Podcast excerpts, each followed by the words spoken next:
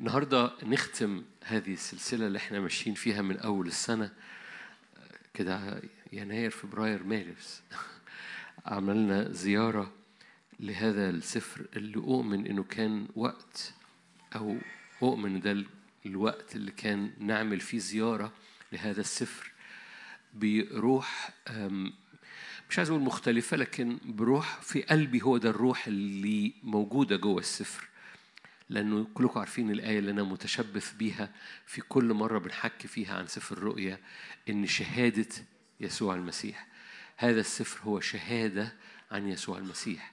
كل إصحاح فيه كل نبوة فيه كل رمز فيه مش شهادة لضربات أو شهادة لجامات أو شهادة للوحش لكن شهادة يسوع المسيح. وبالتالي لا يمكن أن يفهم السر أو لا يمكن أن يفهم السفر ويتم التعامل معه إلا من خلال الكود اللي بيفك الشفرة اللي تحطها على المشهد وتستقبل إعلان.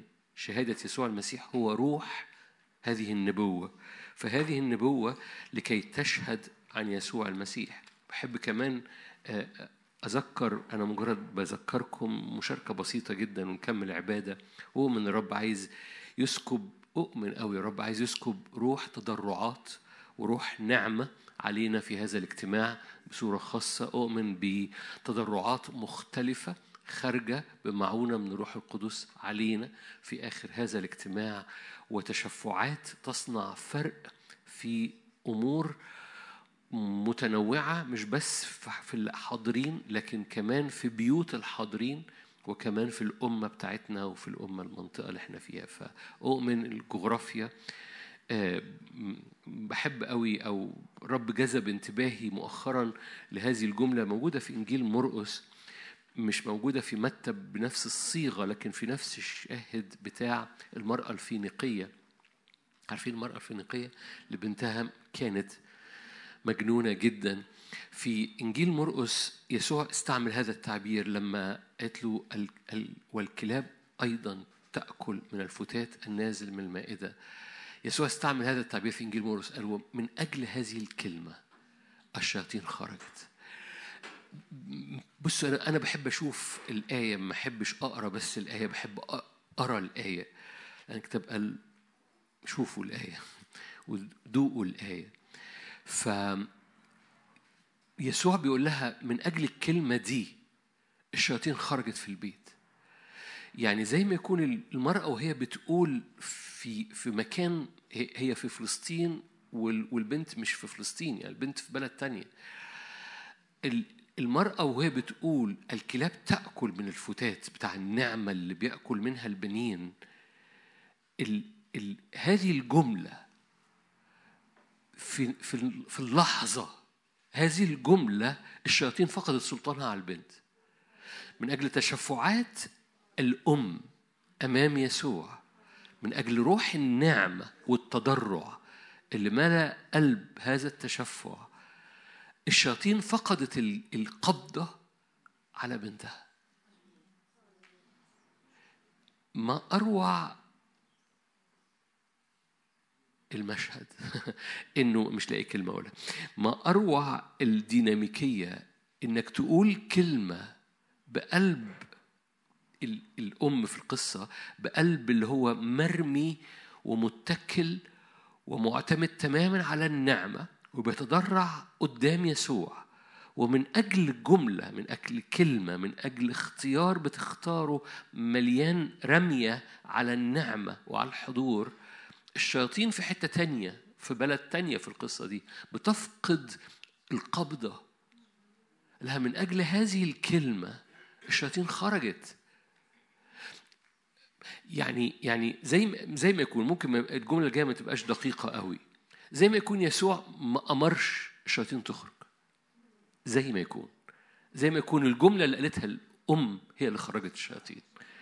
أنا مش بقول هو ده اللي حصل بس ارجع ورايا في إنجيل مرقس واقراها ورايا وخلي روح القدس يكلم طبعا هي الشياطين لا تخرج إلا باسم يسوع أوكي؟ فمش بنناقش الفكرة دي أكيد يعني أكيد مش بنناقشها. فالشياطين لا تخرج إلا باسم يسوع لكن زي ما يكون الجملة اللي قالتها هذه الأم حسمت الموقعة لها من أجل هذه الكلمة قد خرجت الشياطين من بنتك. فلما رجعت الأم وجدت أن بنتها صحيحة. مش مذكور ولا في متى ولا في مرقس إنه الرب انتهر لكن اللي أنا عايز أقوله إن إيماني إيماني إيماني إنه بعد المشاركة البسيطة بتاعت النهارده وإحنا بنختم هذه الزيارة لسفر الرؤيا في زيارة علينا من روح النعمة والتضرعات. من أجل معجزات أو من أجل من أجل تشفعات في وسطينا تملأ أراضينا بمية مختلفة تصنع معجزة مش بس في وسطينا لكن في بيوتنا وفي بلدنا وفي منطقتنا بقوة. أمين. أه حاجة تانية اللي بحبها في سفر الرؤيا زي ما قلت لكم من الكود الكود بتاع سفر الرؤيا اللي هو شهادة يسوع المسيح أو إعلان يسوع المسيح. موجود من أول رؤيا واحد إعلان يسوع المسيح. فالقصة كلها هو إعلان يسوع المسيح. هو هو المشهد. ولما بتفقد هذا الإعلان بتفقد معنى الحياة. برضو أحد دروس سفر الرؤيا سفر الرؤيا ممكن تعدي فيه دروس رايح جاي ممكن ما نخلصوش. لكن ببساطة أحد دروسه إنك لو فقدت إعلان هذا الوجه بتفقد معنى الحياة لأن كل حاجة تانية منظرها خراب. لو حبيت تبص على سفر الرؤيا بطريقة معينة لكن الدرس اللي موجود في سفر الرؤيا إن لو فقدت إعلان الوجه فقدت معنى الحياة. فقدت الأمان فقدت الثقة فقدت الأرض تحت رجليك فقدت السماء فوقك فقدت فقدت كل حاجة. ليه؟ لأن كل المشهد منظره سلبي ما عدا إعلان يسوع المسيح. إذا اللي عندهم إعلان يسوع المسيح هم مش في المشهد السلبي.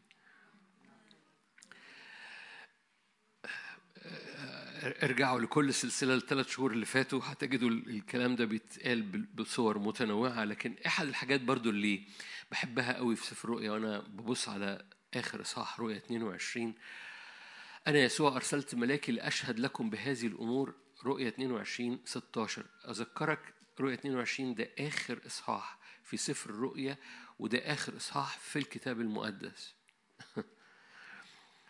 أراني يسوع أنا سوري أنا يسوع أرسلت ملاكي لأشهد لكم بهذه الأمور عن إيه؟ عن الكنايس هللويا. إذا سفر الرؤيا هو عن الكنايس أو سفر الرؤيا مش عايز أخش في مدارس اللاهوت ومدارس sorry مدارس الأخرويات وإمتى الكنيسة مش موجودة وإمتى موجودة لكن سفر الرؤيا هو شهادة يسوع المسيح عن الكنايس وبالتالي مفيش حتة في سفر الرؤيا ما فيهاش إعلان يسوع المسيح عشان الكنايس تستخدمه. هو مفيد للكنيسة بالبلدي okay؟ okay مش فارق معاكم بس أنا فارق معايا.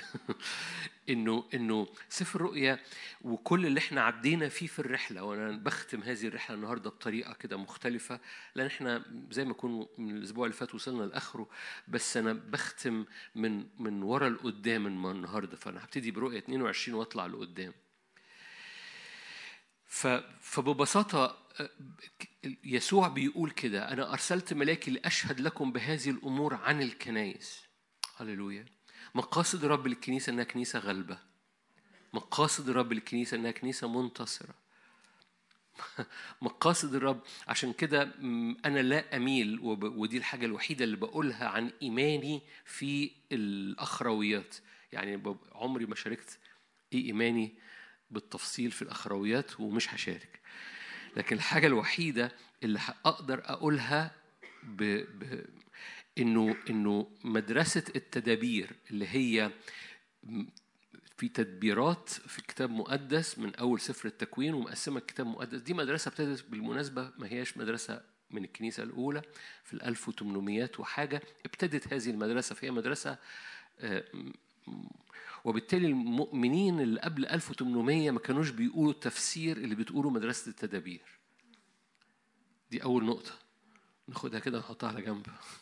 معلومة ونحطها كده إنه إنه كل الكنيسة الأولى و و و لغاية 1800 ما كانوش بيقولوا الكلام اللي بيتقال في مدرسة التدابير. أوكي. الحاجة الثانية إنه تقول لي مين بيقول مدرسة التدابير؟ أقول لك كتير. كثيرون. وكثيرون حتى من اللي بيقولوا إن إحنا مش مدرسة تدابير أو بيقولوا إن إحنا مش التدابير المشهورة متأثرين وكلياتهم وكليات اللاهوت اللي بتعلمهم متأثرة بمدرسة تدابير بطريقة أو بأخرى. إيه مشكلة مدرسة التدابير معايا أنا شخصيا يعني؟ دي وأنا بحترم كل الناس ما, ما إنه مدرسة التدابير في حد ذاتها فيقول لك في تدبير اللي هو قبل السقوط بس هذا التدبير اللي هو كان آدم فيه عايش انتهى بالسقوط. وبعد كده قام ربنا مطلع تدبير آخر وإبراهيم ماشي بس هذا التدبير انتهى بالسبي. وبعد كده طلع تدبير آخر هو الافتداء والخروج. فخرجوا وموسى وعمل تدبير بس انتهى بلعنة. كده جاء تدبير يسوع المسيح أو تدبير النعمة اللي فتح الكنيسة بس الكنيسة ستنتهي بالارتداد العظيم. وبعد كده لأن هذه المدرسة بتؤمن بالملك الألفي مش أنا ما قلتش أؤمن أو لا أؤمن بالملك الألفي ما حدش يلزق عليا أي حاجة. ماشي؟ فحتى الملك الألفي ينتهي إن بعد الألف سنة إبليس يتحل والمؤمنين يسقطوا برضه. فحتى المؤمن الملك الألفي إيه مش أنا لو من هذا الإله اللي بعد الملك الألفي ما بعد ما الناس عملوا الملك الألفي وبرضه بيسقطوا ياخد الناس دي.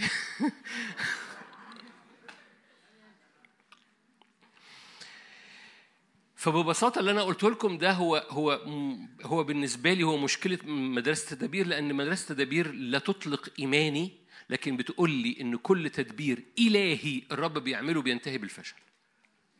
وأنا رافض هذه الفكرة. ولا أراها في سفر الرؤيا ولا أراها في الكتاب المقدس ولا أراها من أول التكوين لغاية الرؤيا وصدقوني صدقوني أنت مش واخد بالك أنت مش واخد بالك بس كثيرين بيؤمنوا بمدرسة التدابير. كثيرين.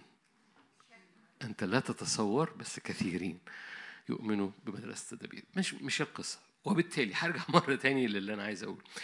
سفر الرؤيا أنا بقرأ في سفر الرؤيا كنيسة مجيدة أرى حصاد كثير أرى نفوس كتيرة اللي عايز يسمع اجتماع الأربع اللي فات عن لاهوت النهضة حكيت بتفصيل إزاي إنه في إعلان واضح إن في نهضة عظيمة قبل المجيء وبالتالي في حصاد عظيم في في ويمكن نلمس عليه خفيف النهارده يعني. فرجوعا مرة تاني سفر الرؤيا بيحمل رسالة مشجعة مليانة إيمان للكنيسة لأن الكنيسة كنيسة الرب أعطاها نفسه تجسد في سر التجسد ومرة تاني مدرسة التدابير دي 1800 يعني بداية 1800 الكنيسة الأولى وكل الآباء كانوا بيؤمنوا بسر التجسد وهو كان أقوى حاجة. وهو ده أقوى حاجة هو سر الفدا ابتدى من التجسد الفدا ابتدى من قبل تأسيس العالم لأن كان مقاصد الرب هو التجسد. الفدا مش الصليب الفدا قمته في الصليب. لا أريد أن أعرف شيئا بينكم إلا يسوع المسيح وإياه فادي مصلوب. بس الفدا لم يكن سيكون فدا إلا لو كان في تجسد. والفدا لم يكن سيتم بالكامل إن لم يكن إن لم يصعد يسوع بجسد ممجد. ويجلس عن يمين الآب بجسد ممجد. اذا التجسد بادي من أول قصة الفدا لنهاية قصة الفدا عن يمين الآب. محتاج تدرك انه يسوع أخذ بشريتنا وجابها لل zero وعمل لها reset وحطها قدام الآب. عن يمين الآب بيشفع فينا. عشان كده بيشفع فينا أمام الآب نهارا وليلا. أنت ممثل حضرتك ممثلة في جسد يسوع المسيح اللي الآن اللحظات دي بيشفع فينا أمام الآب لأنه جسد يسوع المسيح الممجد اللي هو إحنا اللي بره الزمن ممجدين بالفعل موجودين قدام الآب. إحنا في الزمن موجودين في الأرض بس إحنا بره الزمن في نفس اللحظة وده ده القدرة الإلهية إنه يعمل الاثنين إن إحنا بره الزمن في يسوع المسيح الآن في جسد ممجد بيشفع فينا. هذا الإدراك هذا الإيمان اللي بتستسلم ليه بترتاح فيه عشان كده قال نحن المؤمنين ندخل إلى الراحة، إيه الراحة دي؟ it is finished. قد أكمل إحنا في هذا هذا الابن المكمل إلى الأبد. عارفين التعبير ده؟ يجنن في العبرانيين. يجنن في العبرانيين. أقول لكم سر من أسرار الدولة. إحنا بنختم ال... بنختم السلسلة دي والسبت اللي جاي هنبقى في المؤتمر. السبت اللي وراه هنبتدي سلسلة جديدة في هذا الاجتماع. هنعمل زيارة اسمها النهضة في العبرانيين. هنعمل زيارة للعبرانيين ونعمل زيارة عن النهضة والعبادة في. في رسالة العبرانيين. وبرضو أنا عمري ما عملت هذه الزيارة بس متشجع جدا ليها. متشجع لما الرب فتحها جواي. وهو منه ده الوقت. فرجوعا مرة تاني في العبرانيين يقول لك كده بيقارن ما بين ال ال ال ال الحالتين من الكهنوت كهنوت هارون وكهنوت ملكي صادق. فبيقول لك إن في كهنوت ملكي صادق ينشئ ابنا مكملا إلى الأبد. فوجودك في الابن الراحة في الابن. نحن من ندخل الراحة؟ ده برضو عبرانيين عبرانيين يجنن. تعرفين رسالة العبرانيين تجنن تجنن. المهم أنا ممكن أقعد أقول تجنن كده. ف فنحن من ندخل إلى الراحة؟ لأنها بتقول إحنا بنتحد بنسكن في هذا الابن المكمل إلى الأبد. فأنت بتتواجد في حتة perfect forever كاملة للأبد. عايز إيه؟ من وأنت هنا من وأنت هنا نحن المؤمنين ندخل إلى الراحة. فاجتهدوا أن تدخلوا تلك الراحة ولك لئلا تسقطوا في عبرة العصيان. يعني يعني لو ما ارتحتش في الإبن المكمل إلى الأبد أنت مهدد. بالعصيان مهدد بأعمال الجسد مهدد بقوى العالم مهدد بفساد البشرية. فقدامنا two options ومش محتاجين ذكاء. يا إما فساد البشرية يا إما ابنا مكملا إلى الأبد. حد يحب يسلم حياته للرب؟ من جديد؟ أنا أحب أسلم حياتي للرب من جديد. أنا ملكك. ليه؟ لأن ال options واضحة. لو أنت شايف حقيقي بنظارات الكتاب المقدس ال options واضحة يا إما فساد البشرية يا إما ابنا مكملا إلى الأبد. وده ده ده ده, ده بيخلينا فعلا كمؤمنين عايزين نسلم حياتنا من جديد. لأن ده لأن ده ده المكان ده السكنة ده ده الحتة اللي فيها بترتاح إلى الأبد.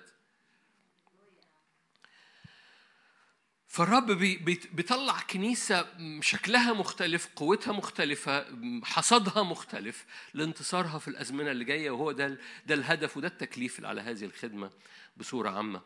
تعالوا نفتح مع بعض رؤية 22 أنا كل دي كانت مقدمة أنا آسف. رؤية 22 رؤية 22 8 وهبتدي زي ما قلت لك من رؤية 22 بنختم هذه الزيارة النهاردة زيارة لهذا السفر. وهطلع زي ما نكون ورا لقدام أو هنلف فيه شوية. أنا يوحنا الذي كان ينظر رؤيا 22 8 أنا يوحنا الذي كان ينظر ويسمع هذا. حين سمعت ونظرت خررت لأسجد أمام رجلي الملاك الذي كان يريني هذا. أنا يوحنا الذي كان ينظر ويسمع هذا. حين سمعت ونظرت خررت لأسجد أمام رجلي الملاك الذي كان يريني هذا. فقال لي انظر الحق نفسك لم نفسك لا تفعل. لأني عبد معك ومع إخوتك الأنبياء والذين يحفظون أقوال هذا الكتاب. أسجد لله. دي ما كانتش أول مرة يوحنا يعمل كده. يوحنا عمل كده في واحدة واضحة قوي في واحدة تانية مش واضحة قوي. إذا يوحنا عمل كده على الأقل مرة قبل كده أو مرتين. وفي المرتين بينال نفس التوبيخ. تكير ما تسجدش إلا للرب. بس أنا مش هدفي في ال في ال في ال إن بعمل سبوت على الحتة دي إني أهاجم يوحنا. عايز أقول إن يوحنا لأنه لو عمله مرة قبل كده والملاك قال له ما تعملش كده. يعني إيه اللي خلاه يعمله تاني؟ أشكرك. إيه اللي خلاه يعمله تاني؟ وخ... وأنا عايز أدافع عن يوحنا أقول لك في الأجواء اللي كانت حاصلة في سفر الرؤيا هتسجد لأي حاجة معدية. أي حاجة معدية هتسجد لها. بمعنى إيه؟ ما أقصدش طبعا الجملة فيها زيادة شوية. في في أجواء العرش السجود هو رد الفعل الطبيعي. في أجواء الحضور الإلهي المهاب التقيل. السجود هو الرد الفعل الطبيعي. فيوحنا سجد والملك قال له حبيبي ما تعملش كده. فاكرين القصة بتاعت شهادة يسوع المسيح روح النبوة؟ كان قبليها يوحنا ساجد لملاك. وبالتالي يوحنا سجد لأنه رد الفعل الطبيعي إن هقوم ساجد. تكتشف إن السجود حاجة مكررة في سفر الرؤيا من أول إصحاح. ما بناخدش بالنا منها بس هي شغالة من أول إصحاح. يعني افتح معايا رؤيا واحد. زي ما قلت لكم إحنا هن... هن... إحنا بنختم هذه الزيارة النهارده. رؤيا واحد. أنا بقلب معاك. رؤيا واحد 17 لما رأيته سقطت عند رجليه كميت. رد الفعل الطبيعي في أجواء الحضور الإلهي هو السجود. ودي أول حاجة جوايا النهاردة لينا وإحنا بنختم سفر الرؤيا السجود هو حالة الكنيسة قدام الرب.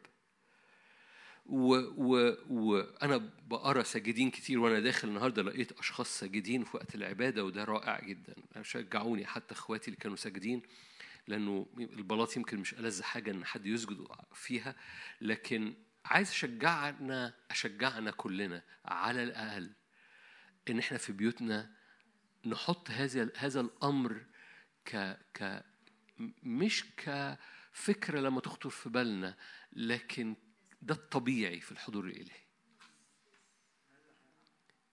ده الطبيعي. يعني يوحنا كان بيسجد لأن ده رد الفعل الطبيعي. أنا ممكن أقول سلاه ونصلي. رد الفعل الطبيعي لأشخاص بي بيقفوا قدام الملك قدام يهوى الرب إنهم يسجدوا.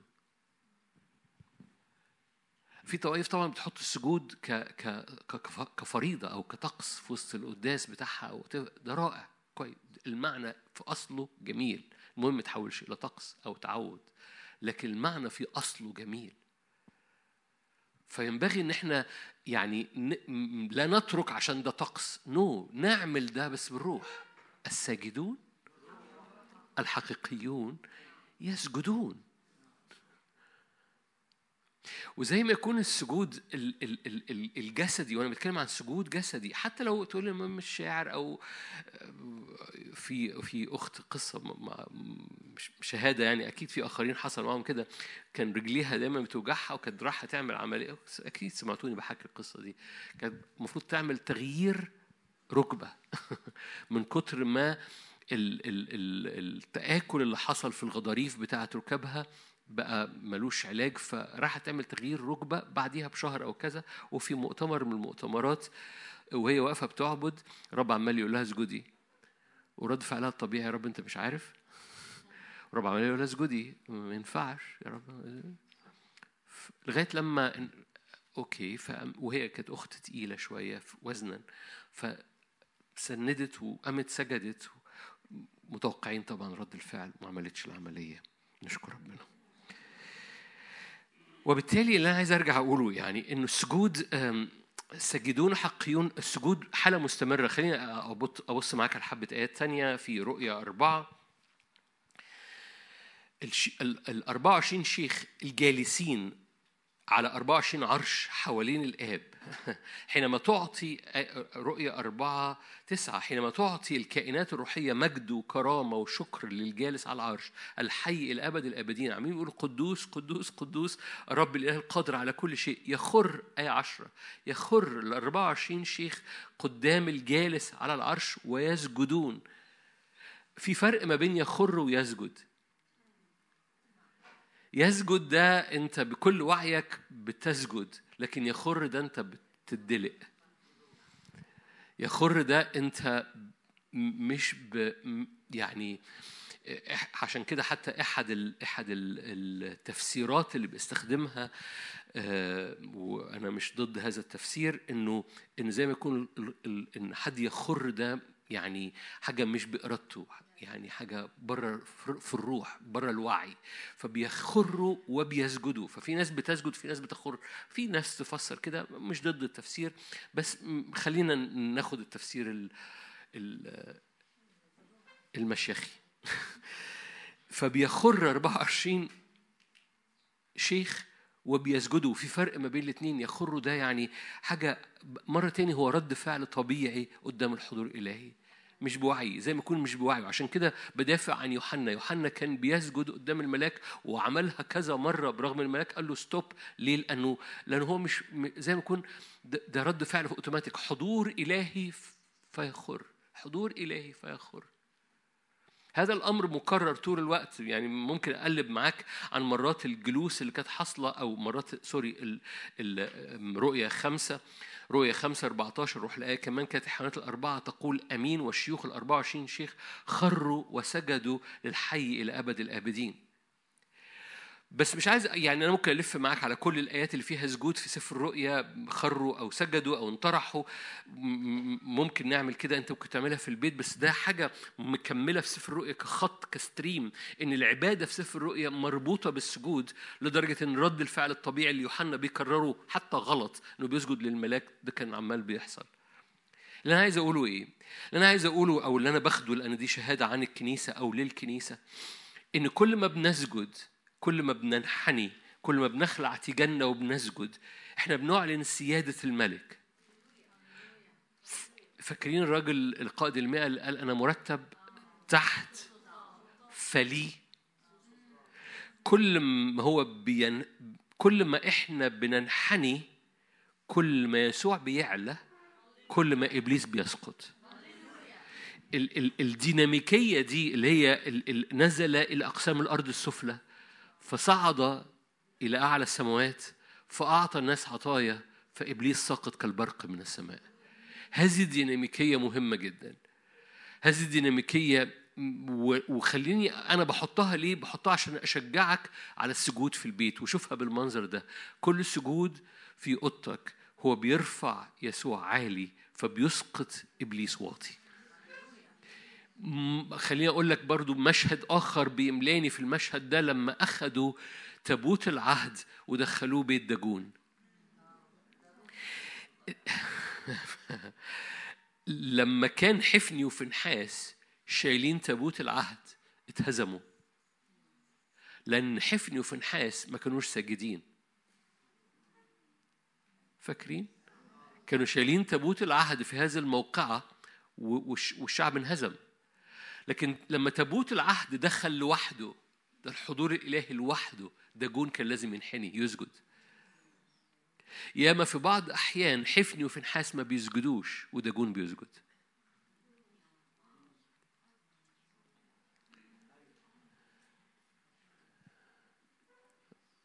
عايز أقعد على ال... في الموقف ده حفني وفنحاس ما سجدوش. داجون هو اللي سجد. داجون هو إله شياطين. في بعض الأحيان بقول هذا التعبير في بعض الأحيان أروح الشر أسهل من البني آدمين.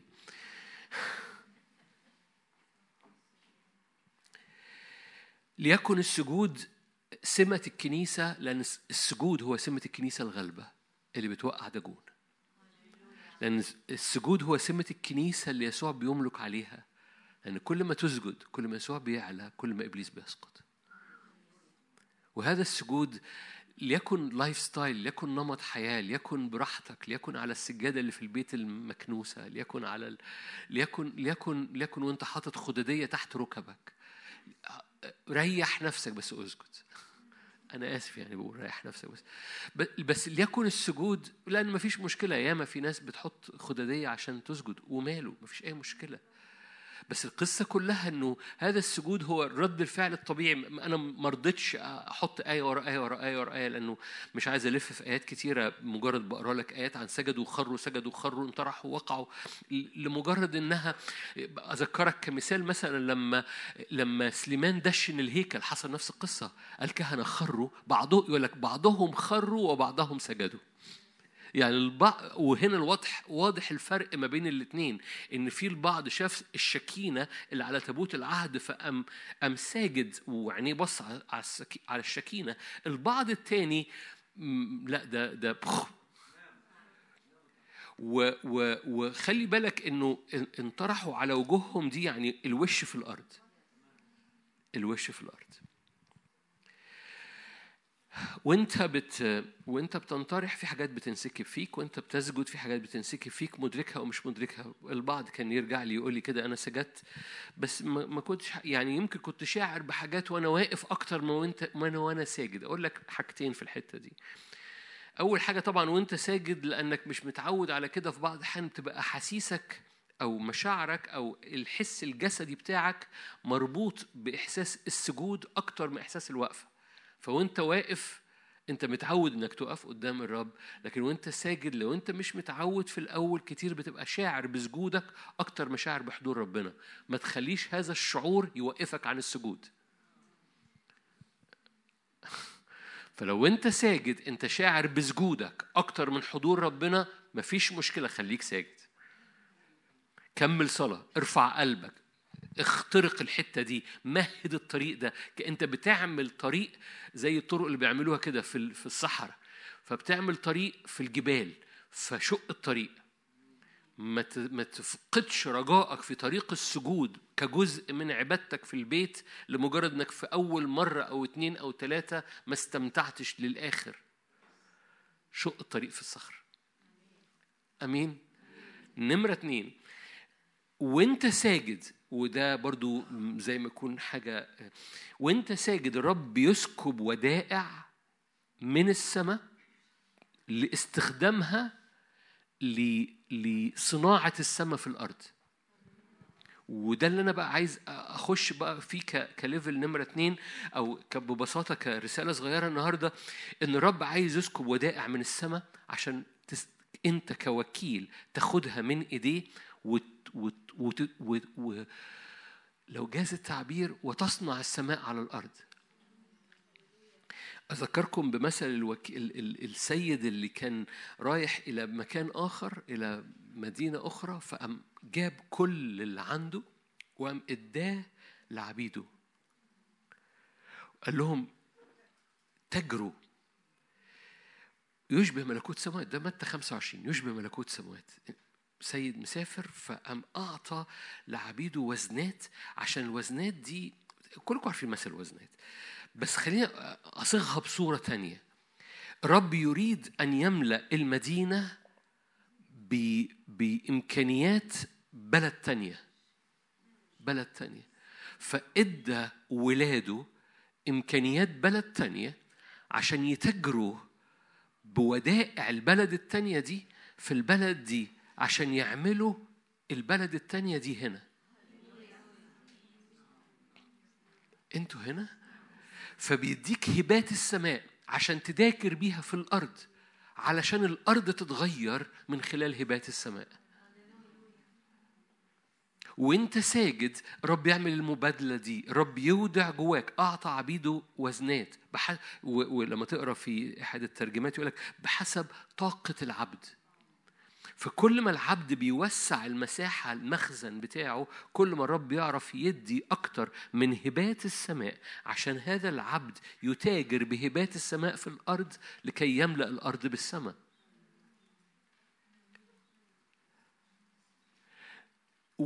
ببساطة وقت سجودك هو وقت امتلاءك بهبات تحول أرضك للسماء. وتستخدمها. أه بحب قوي الآيات اللي في بطرس. أنتوا كويسين. أنا بشارككم كده بس أه بحب قوي الآيات في بطرس. بطرس الأولى أربعة وحاسس كده إنها آيات يمكن نزورها مرات خلال الوقت اللي جاي ده أو يعني أو أنت تزورها لوحدك. بطرس الأولى أربعة آيات paragraph جميل قوي من سبعة ل 11 ده paragraph كده لوحده تاخده على الريق. لمدة أسبوع تتحسن. بطرس الأولى أربعة صح آية سبعة إنما نهاية كل شيء قد اقتربت فتعقلوا وإصحوا للصلوات قبل كل شيء لتكن محبتكم بعضكم لبعض شديدة لأن المحبة تستر كثرة من الخطايا. كونوا مضيفين بعضكم بعضا بلا دمدمة. ليكن كل واحد بحسب ما أخذ موهبة يخدم بها بعضكم بعضا كوكلاء صالحين على نعمة الله المتنوعة. كان يتكلم أحد فكأقوال الله كان يخدم أحد فكأنه من قوة يمنحها الله. يعني القصة هو هو واخد هو فلا افتخار. القصة أن هو واخد حاجة من السماء فهو كان يتكلم في أقوال الله إن كان يخدم فكأنه من قوة يمنحها الله لكي يتمجد الله في كل شيء. بيسوع المسيح الذي له المجد والسلطان إلى أبد الآبدين. paragraph يجنن. وبس ال paragraph بيحمل الآية اللي أنا اللي كنت بحكي عنها حاليا آية عشرة دي. ليكن كل واحد بحسب ما أخذ موهبة يخدم بها. فبياخد موهبة عشان يتاجر بيها في الأرض فيملى الأرض بموهبة السماء. متهيألي ده مشهد جميل لحضرتك. بيسكب محبة دي من ثمار الروح القدس دي من هبات الروح القدس. هذه المحبة تاجر بيها. بيسكب كلام علم بيسكب تضرعات تاجر بيها. كوكلاء صالحين على مواهب الله المتنوعة تاجر بيها. لكن لما بتتاجر بيها أنت بتتاجر بهبات السماء في الأرض عشان تغير الأرض من خلال هبات السماء. فتاجر بيها. أمين. وليكن سجودك هو وقت امتلاءك بهذه الهبات. ليكن سجودك وعبادتك هو وقت امتلاءك. عشان كده قلت لكم وقت نعمة طلب نعمة وتضرعات بعد هذه المشاركة. لأنه أؤمن الرب عايز يملانا بهبات نستخدمها لصنع السماء على الأرض في الأزمنة اللي جاية.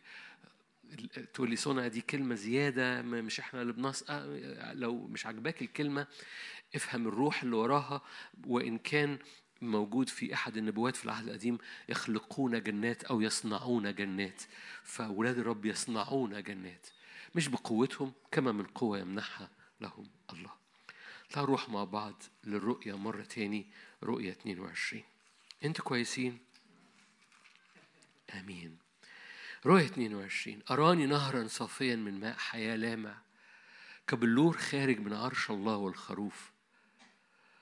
أراني نهرا صافيا من ماء حياة لامع كبلور خارج من عرش الله والخروف. أحبائي كلنا هنقف في الحتة دي. باسم يسوع. باسم يسوع. يعني تقدر ما أعرفش عنك بتقرأ كتاب مقدس. في بعض الاحيان ربنا بيسكب على نعمة كده إنك تقرأ تصلي اللي انت بتقراه فتقدر وريني النهر الصافي من دلوقتي. في وسط سوقه على النهر من هنا ومن هناك شجرة حياة تصنع 12 ثمرة وتعطي كل شهر ثمرها ورق هذه الشجرة لشفاء الأمم. لا تكون لعنة فيما بعد. عرش الله والخروف يكون فيها.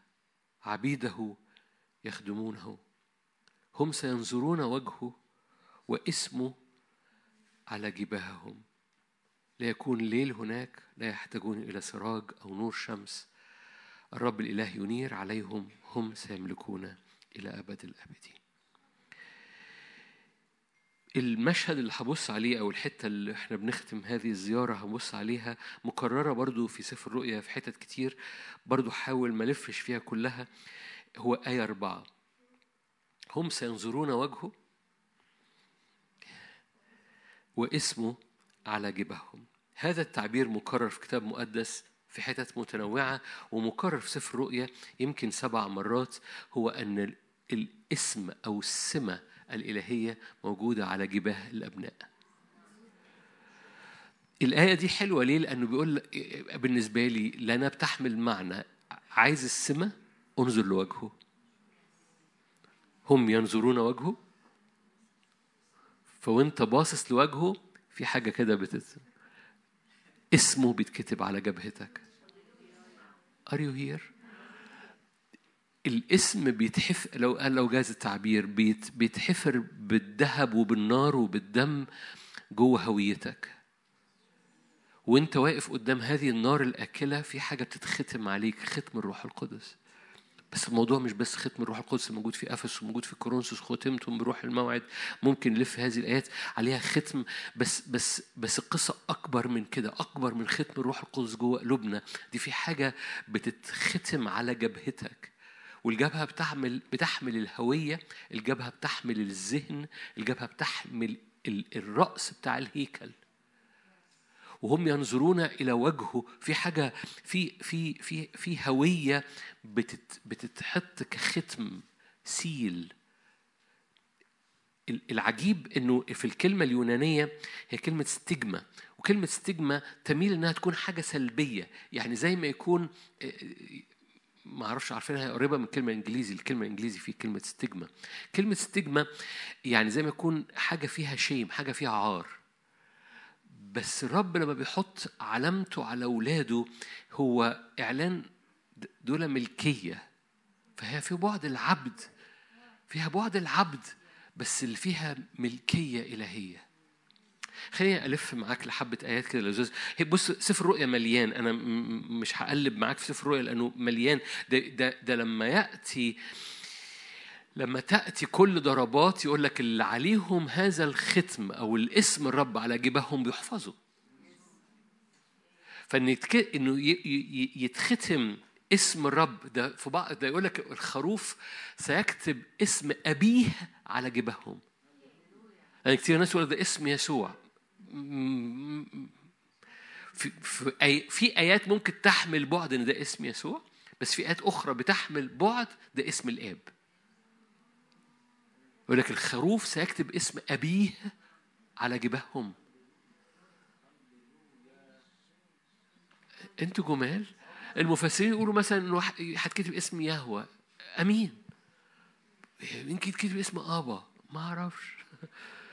الخروف سيكتب اسم أبيه. ممكن أطلعها لكم لو أنتوا عايزين يعني.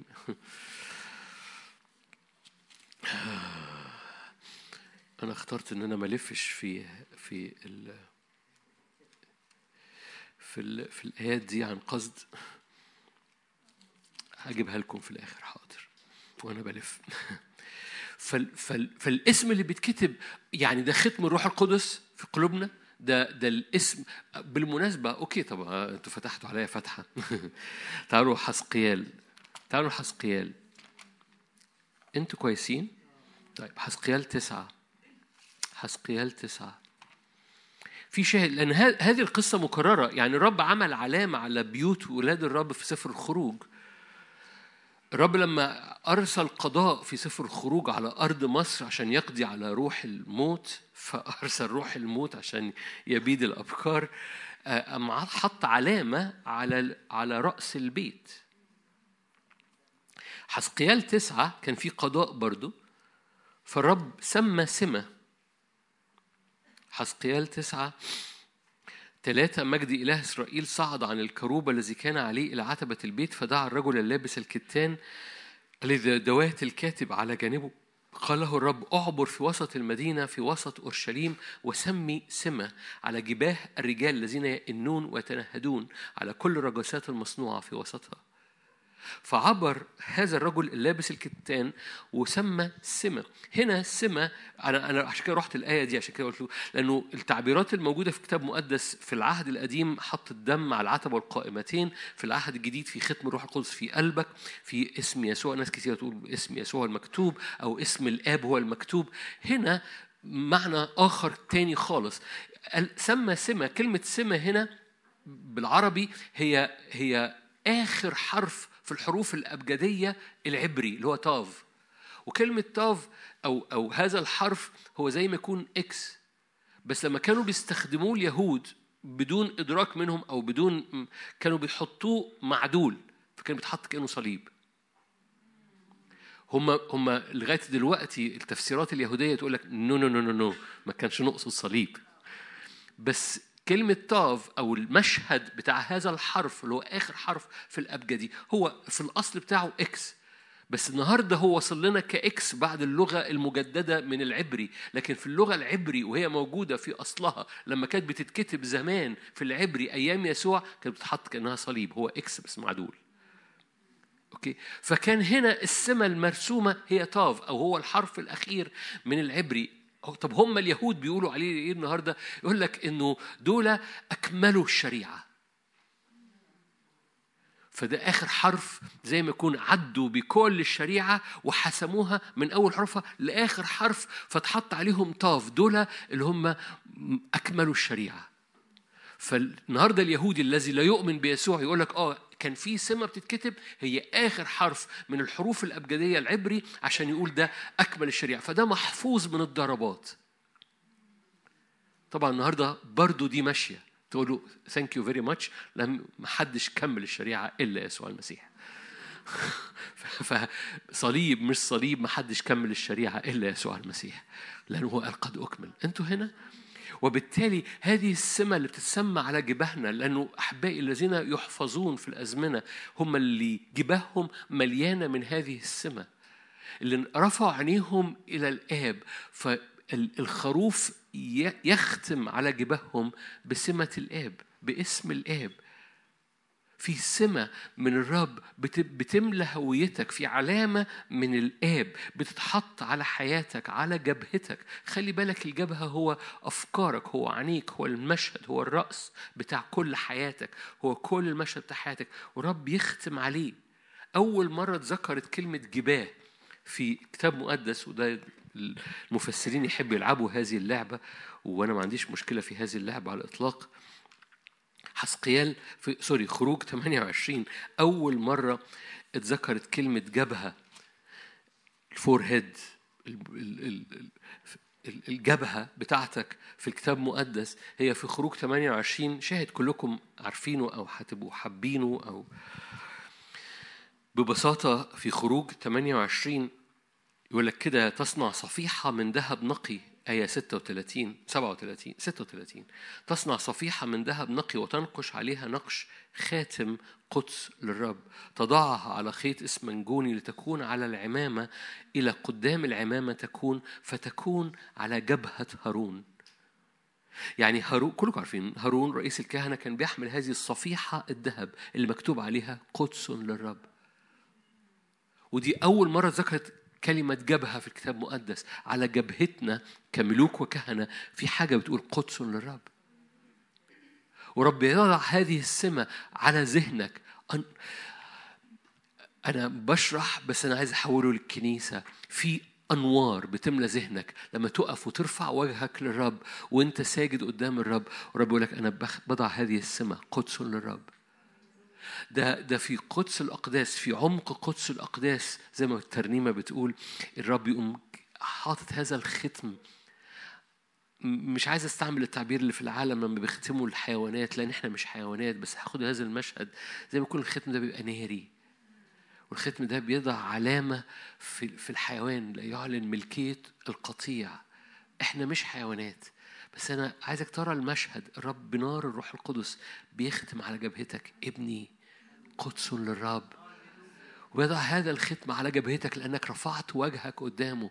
هذا المكان بيبقى مكان مقدس مليان مليان interactions ما بين السماء وما بينك. كهيكل للرب. بيعلن بيحفظك في الأزمنة اللي جاية. مرة تاني مش عايز ألف معاك آيات كتيرة يقول لك في ناس أخذت سمة الوحش يقول لك فقط الذين أخذوا سمة الرب لن يسجدوا لسمة الوحش زي ما يكون السمتين بيحاربوا بعض. وهذه السمة اللي الرب يضعها عليك قدس للرب هي اللي ستحفظك ولما يأتي الوحش بقوته وبأفكاره وبقوانينه بالمناسبة وبردته وبحقوق إنسانه وبحقوق الأنا وبحقوق المش عارف إيه وبحقوق إيه ويعدي عليك بس هنا في قدس للرب. فلطشة البرودة لطشة الإلحاد لطشة إنه مش فارق لطشة إن الخطية ما ما بقاش اسمها خطية لأنه ما ما بقاش اسمها خطية. ليه بقى اسمها خطية؟ مين قال إن اسمها بقى خطية؟ آه بس قدس للرب يقول دي خطية. وبالتالي اللطشة بتاع روح البرودة وروح الإلحاد وروح اللي مش فارق وروح مش عارف إيه ما بتأثرش على الهيكل اللي فيه السماء اتحطت عليه. تعالوا مع بعض نروح لرسالة تيموساوس. أنا ببعد عن سفر رؤيا عشان ما أقراش آيات مكررة هي هي بس تعالوا نروح لتيموساوس الثانية. أقرأ لك آية صغيرة من تيموساوس. أنتوا هنا؟ أنا طولت عليكم. أنا هختم حالا. تيموساوس الثانية أصل أنا جوايا الصلاة مش جوايا اللي أنا بعمله ده. تيموساوس الثانية. بس مهم اللي أنا بعمله. تيموساوس الثانية إصحاح 2 آية 19 أساس الله راسخ. أساس الله الراسخ. قد ثبت أساس الله الراسخ قد ثبت. تيموثاوس الثانية صح 2 آية 19 أساس الله الراسخ قد ثبت. إذ له هذا الختم يعلم الرب الذين هم له. هللويا. يتجنب الإثم كل من يسمي اسم المسيح. هللويا. ليه؟ لأن أنت آنية للرب مش آنية آه، أنت آنية للكرامة. للكرامة أنت آنية للكرامة آية 21 إن طهر أحد نفسه من هذه من أي يكون إناء للكرامة مقدس نافع للسيد مستعد لكل عمل صالح فليه؟ لأن لأن في ختم له هذا الختم لأن ده قدس للرب لأن ده رفع وجوههم فالرب حط, حط هذه السمة وضع اسمه على إيه؟ أنوار على على السلطانيه على على الأنوار على على ذهنك. هللويا على الكنت عارفين إحد الحاجات اللي إبليس بيتسرسب منها في حياة البعض؟ هو فقدانك السلطان واللي بيفقدك السلطان إن ذهنك بيخش في الشبورة. ما تبقاش ان كنترول ذهنك يخش في الخلاط يخش في الأوتوماتيك اللي هو إيه مش لازم أفكر أنا بعمل اللي أنا متعود عليه كل يوم. انت مش بتفكر وانت بتغسل سنانك مش بتفكر وانت بتغسل وشك مش بتفكر وانت بتعمل قهوتك الصبح. أو أنا ما كنتش بفكر. بس بعد كده اكتشفت طب إزاي أنا سايب سايب نفسي وأنا بعمل كل الحاجات دي وسايب نفسي فاضي أو يعني ذهني الرب عايز يملى ذهني وأنا بعمل الحاجات دي برضو أنا محتاج ادرك الحضور وأنا بعمل قهوة. لأنه لو أنا مش مدرك الحضور أنا بعمل قهوة أنا مدرك حاجة تاني أيا كانت الحاجات مش شرط خطية. مدرك نفسي مدرك إن أنا لسه منعوس طب بدل ما أدرك نفسي خليني أدركه وأنا بعمل قهوة. منظركم بتبصوا لي كده كأنه كأنه بعمل خطية. ما حدش ما تعملوش قهوة ولا هي مش فاهم.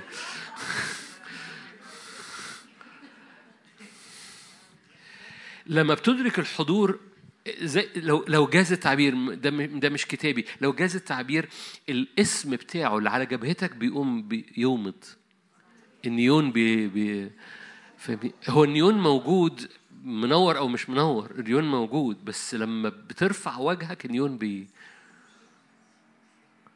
حد يعرف يعني إيه neon؟ okay أطمن بس عليكم. سفر الرؤيا أنتوا كويسين؟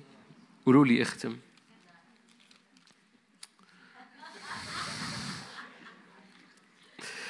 رؤيا ثلاثة رؤية ثلاثة أنا بضيف بس مش هكرر هضيف رؤية ثلاثة دي في كنيسة فيلادلفيا. كنيسة فيلادلفيا عن المحبة الأخوية. هللويا. هنبص على حبة حاجات ونختم. لأن مقاصد الرب إنه التدبير لا ينتهي بفشل الكنيسة. كنيسة مجيدة.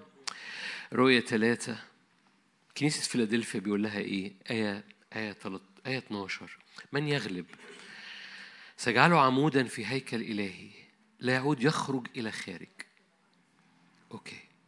حلو قوي لأنه عمود فهو ثابت فلا يخرج. أكتب عليه اسم إلهي. okay. من يغلب؟ سأكتب عليه اسم إلهي. حلو قوي يكتب سما اسم الخروف يكتب اسم الآب. حلو قوي بس كمان إيه؟ واسم مدينة إلهي. هللويا. يعني يعني يعني مش بس هيكتب اسم يهوى عليك أو اسم الرب يسوع عليك أو ختم الروح القدس على قلبك لا اكتب اسم المدينة. هذا يسمى أنه ولد هناك. السجل المدني بتاع المدينة مش بس بيتكتب في السجل المدني أنك اتولدت في المدينة بيتكتب عليك ملكية المدينة. عارفين عارفين عارفين عارفين ليه ليه ال ال دي بركة قوية؟ لأن هذا الاسم لأنه فاكرين أساسات المدينة مكتوب عليها أسماء الأسباط ال 12 وأسماء الرسل ال 12 24 فالرب يقوم من يغلب بحط اسم المدينة عليه لأنه بيبقى جزء من المدينة زي الرسل وزي الأسباط ال 12 فاهمين حاجة؟ يعني الأساسات والأبواب عليها أسماء الرسل وأسماء الأسباط وبعد كم من يغلب هحط عليه اسم المدينة كمان. خدها بطريقة تاني. زي ما الرب ادى اسمه لبعض ولاده اتسمى باسمهم. هو إله إبراهيم. عارفين الرب اسمه إله إبراهيم؟ يعني الرب ضم اسم إبراهيم لاسمه؟ فرب يضم اسم المدينة لاسمك. فالرب فاهمين حاجة؟ القصة كلها مربوطة إنك القصة مربوطة بالسجود. أنا رابطها بالسجود النهار النهارده أنا رابطها بالسجود. أنا رابطها بالعبادة رابطها إن عينك مرفوعة. بيرفعوا وجوههم فرب يعمل علامة على جبههم. فبيعطيك اسم فلا يعود يخرج إلى خارج. أكتب عليه اسم إلهي واسم مدينة إلهي النازلة من السماء. آمين. آمين. من غير ما نقلب في سفر التثنية عشان كده الشعب اليهودي لغاية دلوقتي اللي هم الأرثوذكس اليهود يقوموا حاطين كده box. عارفين ال box الأسود اللي بيلبسوه على يحطوا الوصايا العشر في بوكس كده اهو ويربطوه حوالين جبهتهم. ده تطبيق حرفي لآيات في سفر التثنية. يقول اجعلها عصائب بين عينيك. خد الشريعة واجعلها عصائب بين عينيك يعني حطها على جبهتك. فبياخدوها بطريقة حرفية. ده الترجمة الحرفية للكتاب المقدس. إخواتي اللي بيتفرجوا فهموا أنا بتكلم على إيه بس مش أنتوا أنتوا لكمش دعوه فاللي بيحبوا يعملوا تفسير حرفي للكتاب المقدس هم أرثوذكس يهود.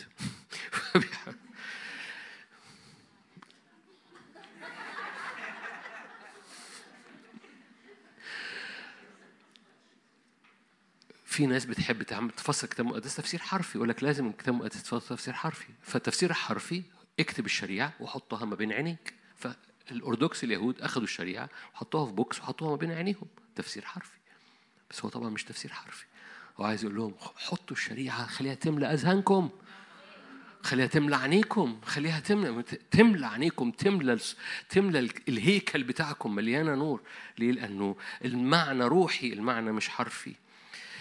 كنيسة غلبة وأنا هختم بهذه المعاني okay عشان الوقت. الكنيسة في أربع صفات في الكنيسة الموجودة اللي بتغلب دي من يغلب أعطيه اسم إلهي أكتب عليه اسم إلهي واسم المدينة يكون كالهيكل في بيت إلهي فلا يخرج. أربع صفات في الكنيسة الغلبة. ليه ليه هبص عليهم؟ دول مواصفات الأربع صفات الموجودين في سفر ال ال في في في الرؤية كلها عن الكنيسة وإزاي بتغلب. الكنيسة دي مليانة محبة مليانة محبة مليانة حق مليانة قوة الروح مليانة نار نار قداسة ونار حضور الرب. الأربع صفات دول هم سمات الكنيسة الغلبة في كل سفر الرؤية وأنا بختم. فالأربع سمات دول موجودين بعرض سفر الرؤية كلهم مليانين محبة للرب ومحبة لبعض. فهم فيلادلفيا بس في نفس الوقت المحبة الأولى مشتعلة محبة نارية. فالقصة المحبة النارية للآب بتملاهم محبة بعضهم تجاه بعض. فهم زي ما بيحبوا الآب هم فيلادلفيا المحبة الأخوية برضو. وبالتالي الكنيسة الغلبة كنيسة مليانة بهذه المحبة مليانة بهذه المحبة النارية. مش بس كده هي مليانة بالحق الثابت اللي بيثبتها وبيخليها أمينة في الحق. لما تبص على على الكنيسة ومواجهتها الرب عمال يحكي عن الأمانة. إزاي حفظ نفسه أمين شاهد أمين. في أمانة في الحق حفاظ من تعليم النيقولويين أو تعليم إيزابل أو الاستهانة بحاجات وعدم الرجوع للحق وعدم الرجوع لسكين الحق مفصلين كلمة الحق باستقامة. وبالتالي ال ال ال مش معنى إن إحنا بنحكي عن أو بنهزر عن إخواتنا في كلية اللاهوت إنه كلية اللاهوت دي no no no الحق مهم الكلمة مهمة جدا ودراستك الحق مهمة جدا. في الكنيسة الغالبه كنيسة مليانة بالحق بس الحق الحاضر أو الحق اللي مليان نعمة وبالتالي هي مليانة بالمحبة للرب ومليانة محبة بعضهم لبعض مليانة بالحق هي مليانة ب ب ب بالروح القدس هي مليانة بالنار لأن الكنيسة بدون نار سوري الكنيسة مليانة قوة لأن الكنيسة غلبة بهذه القوة. خليني أقرأ لك آية طيب عشان أنا رؤية ثلاثة رؤية ثلاثة. طبعا مش محتاج أقول لكم إن في آيات كتيرة بتتكلم عن عن القوة لكن حتى لو القوة ضعيفة أنا رؤية 3 8 أنا عارف أعمالك دي فيلادلفيا. ها أنا قد جعلتك أمامك بابا مفتوحا لا يستطيع أحد أن يغلقه. جعلت أمامك بابا مفتوحا لا يستطيع أحد أن يغلقه. ليه؟ ليه؟ لو أنت هتكتب الآية دي مش هتكتبها مش هتكملها كده. جعلت أمامك بابا مفتوحا لا يستطيع أحد لأنك قوة عظيمة. ده قوة يسيرة بتخلي الباب ما يتقفلش. حد فاهم حاجة؟ أنا عشان كده بحب الآية دي. لا أنتوا شايفينها؟ آية تجنن. قد جعلت أمامك بابا مفتوحا لا يستطيع أحد أن يغلقه لأن لك قوة يسيرة. وقد حفظت كلماتي ولم تنكر اسمي دي نمرة اتنين. عشان كده قلت لك هو مليانين محبة للرب ومحبة بعضهم لبعض. ومليانين بالحق وبالكلمة. ولم ينكروا اسم رب دي الأمانة. ونمرة ثلاثة مليانين بالقوة قوة الروح القدس. مش مش كلام القصة مش كلام. بولس قال أنا حاجة الكنيسة مش عايز أعرف كلامهم عايز أعرف قوتهم. القوة بتبان إيه في المحك؟ أنت بتعرف القوة إمتى؟ لما لما لما لما يجي اتنين رجالة يتكبروا على بعض يقول لك تعالى وريني قوتك. القصة مش في الكلام الكلام رخيص لكن في المقاومة القوة بتبان. فالقوة بتبان في الكنيسة في المقاومة. وكل ما بتتملي من قوة الروح القدس وتستخدم هذه القوة ياما ناس جواهم قوة لكن هم شايفين نفسهم هذال. فلما يجي العدو يصارعهم يطلع يجري برغم إنه زي ما كان أيام جولياط كانوا بيطلعوا يجروا وداود المنظره صغير قوة يسيرة لكن ثبت قدام جولياط لأن هو مدرك إن في قوة موجودة جواه. مش لازم يطلع يجري. اللي كانوا بيجروا لما داود وقف وقفوا. أوكي حط نفسك أو حطنا مع اللي كانوا بيجروا. أنا امبارح كنت بجري. بس في واحد قال لي داوود قال لي إنه حتى لو عندك قوة يسيرة تقدر تنتصر. فاللي كانوا بيجروا وقفوا أيام داوود وانتصروا وغلبوا. هتفهم حاجة؟ لأن داوود انتصر هم وقف هم وقفوا. وده إحنا حط نفسك أنا امبارح كنت بجري مش لازم لأن امبارح كنت بجري هجري النهارده. ده خبر جديد. لو كنت بتجري امبارح من جولياط مش محتاج تجري النهارده من جولياط. تقول لي ما أنا هو هو اللي فات امبارح هو هو النهارده. أوكي بس داوود وقف. حتى لو عندك قوة يسيرة هذه القوة اليسيرة بتحفظ أبوابك مفتوحة للقوة. فاستخدم القوة الموجودة على حياتك. استخدم القوة لأن لك قوة يسيرة. وقد حفظت كلماتي ولم تنكر اسمي. فالكنيسة الغالبة كنيسة مليانة محبة للرب ومحبة بعضها البعض مليانة حق وحق حاضر مليانة نعمة بأمانة مليانة قوة من قوة الروح القدس وبتستخدمها. القصة مش مش قوة بس قوة قوة مستخدمة قوة مدركة. وآخر حاجة مليانة نار. أشير عليك أن تشتري مني ذهب متصفي بالنار. نار القداسة نار المخافة نار السجود. الكنيسة اللي مليانة الأربعة دول كنيسة غلبة كنيسة مستمرة. ببساطة لو أنت كل سفر الرؤيا ما كنتش حاضره الأربعة دول أغلى حاجة بالنسبة لك. أنا عايز أتملي بحب غير عادي ليك ولإخواتي. عايز أتملي بحق غير عادي وأحفظني أمين فيه. عايز أتملي بقوة من الروح القدس وأستخدمها.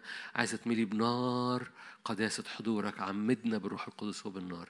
الأربعة دول بيخلوا الكنيسة منتصرة. الأربعة دول من سفر الرؤيا رايح جاي ممكن كنا نلعب فيها بس الوقت. ببساطة الأربعة دول بيلخصوا الكنيسة الغلبة أمين. خلونا نصلي مع بعض.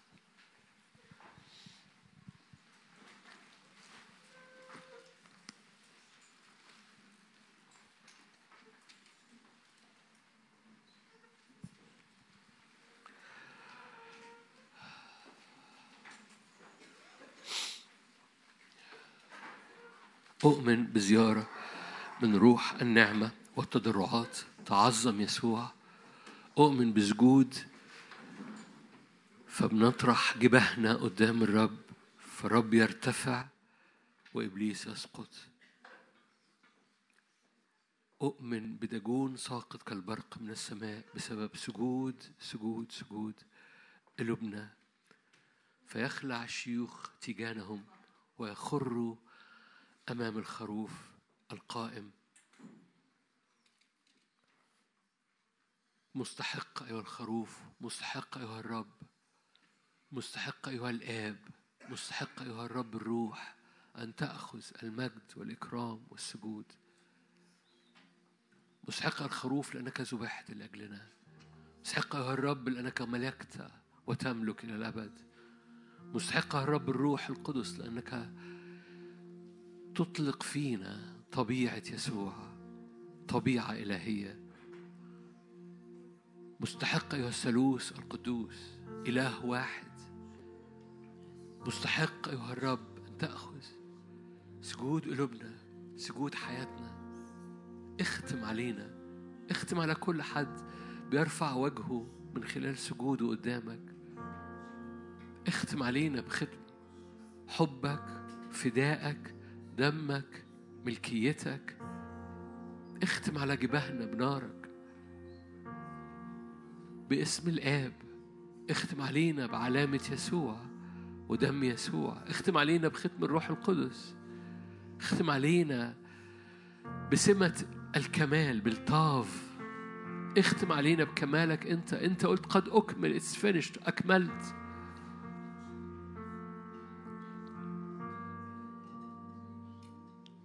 علينا. اختم على حياتنا وعلى بيوتنا. تقدر ترفع إيدك من أجل بيتك ترفع تر... تقدر ترفع اما أنا واهل بيتي.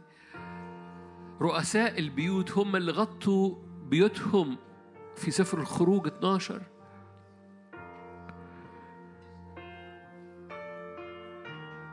أما أنا وأهل بيتي فنعبد الرب. أنا بطلب سمتك على بيتنا بالإيمان. بطلب سمتك على جباهنا بالإيمان. بطلب السمة اسمك. هللويا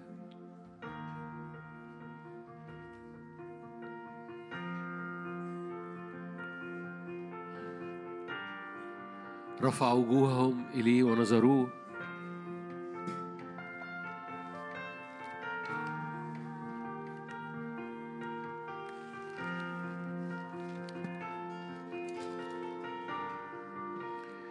ينظرون وجهه واسمه على جباههم. ينظرون وجهه واسمه على جباههم.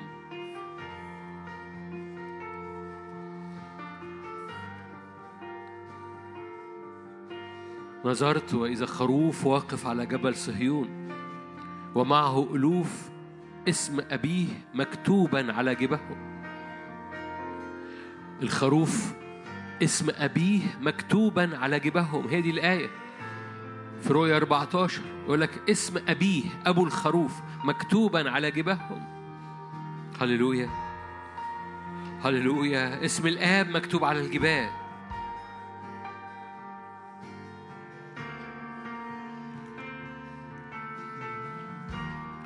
املأ أذهاننا يا رب. صفيحة من ذهب مكتوب عليها. قدس للرب قدس للرب. ضع إيدك على جبهتك.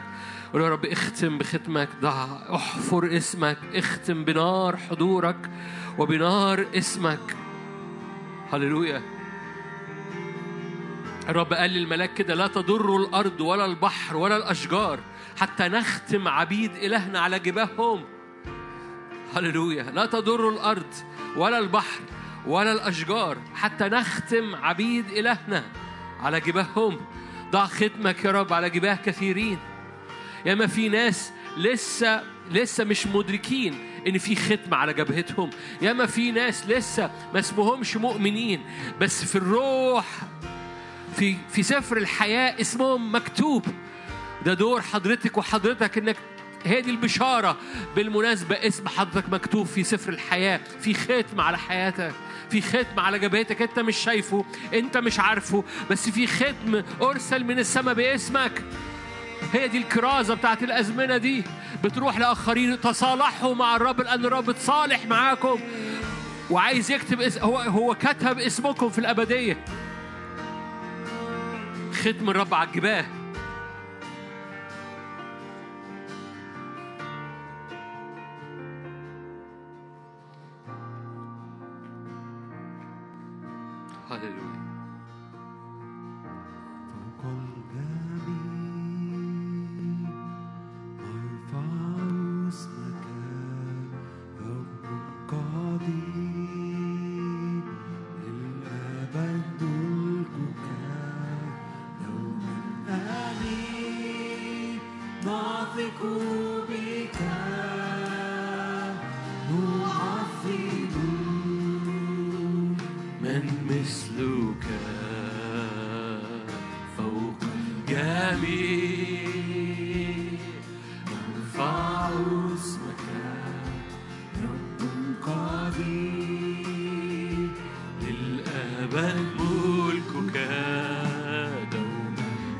آمين نثق بك.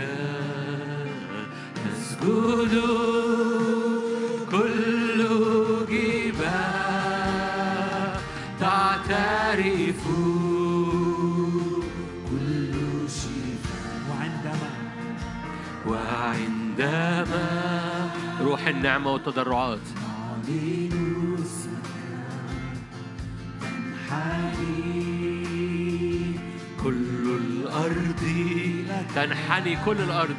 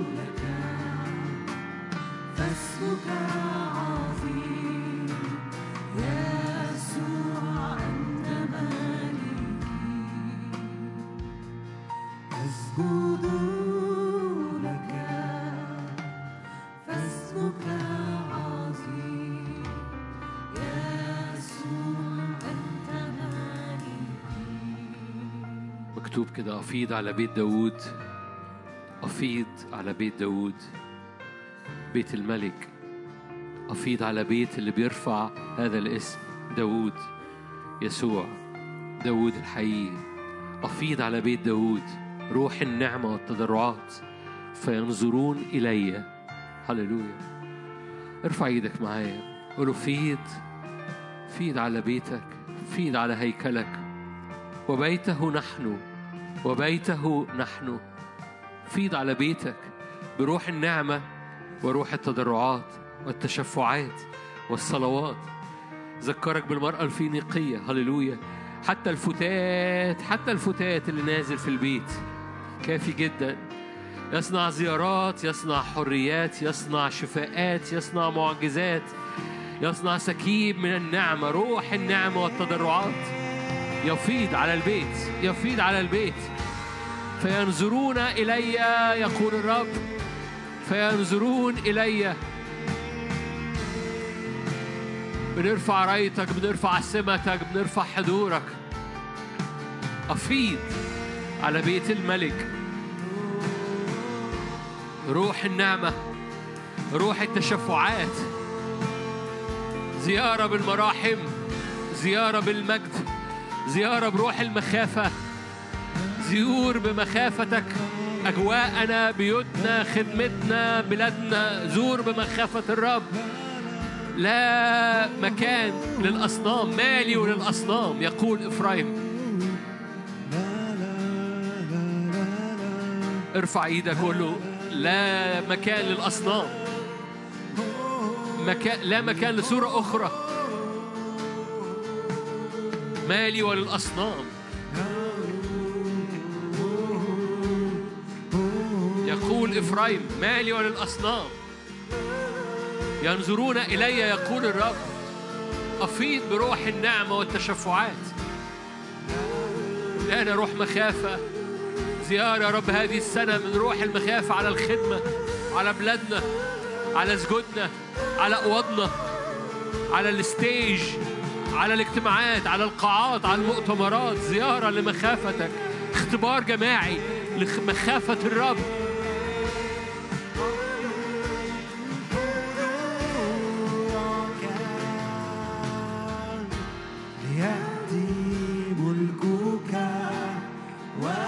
ومشيئتك كما في السماء.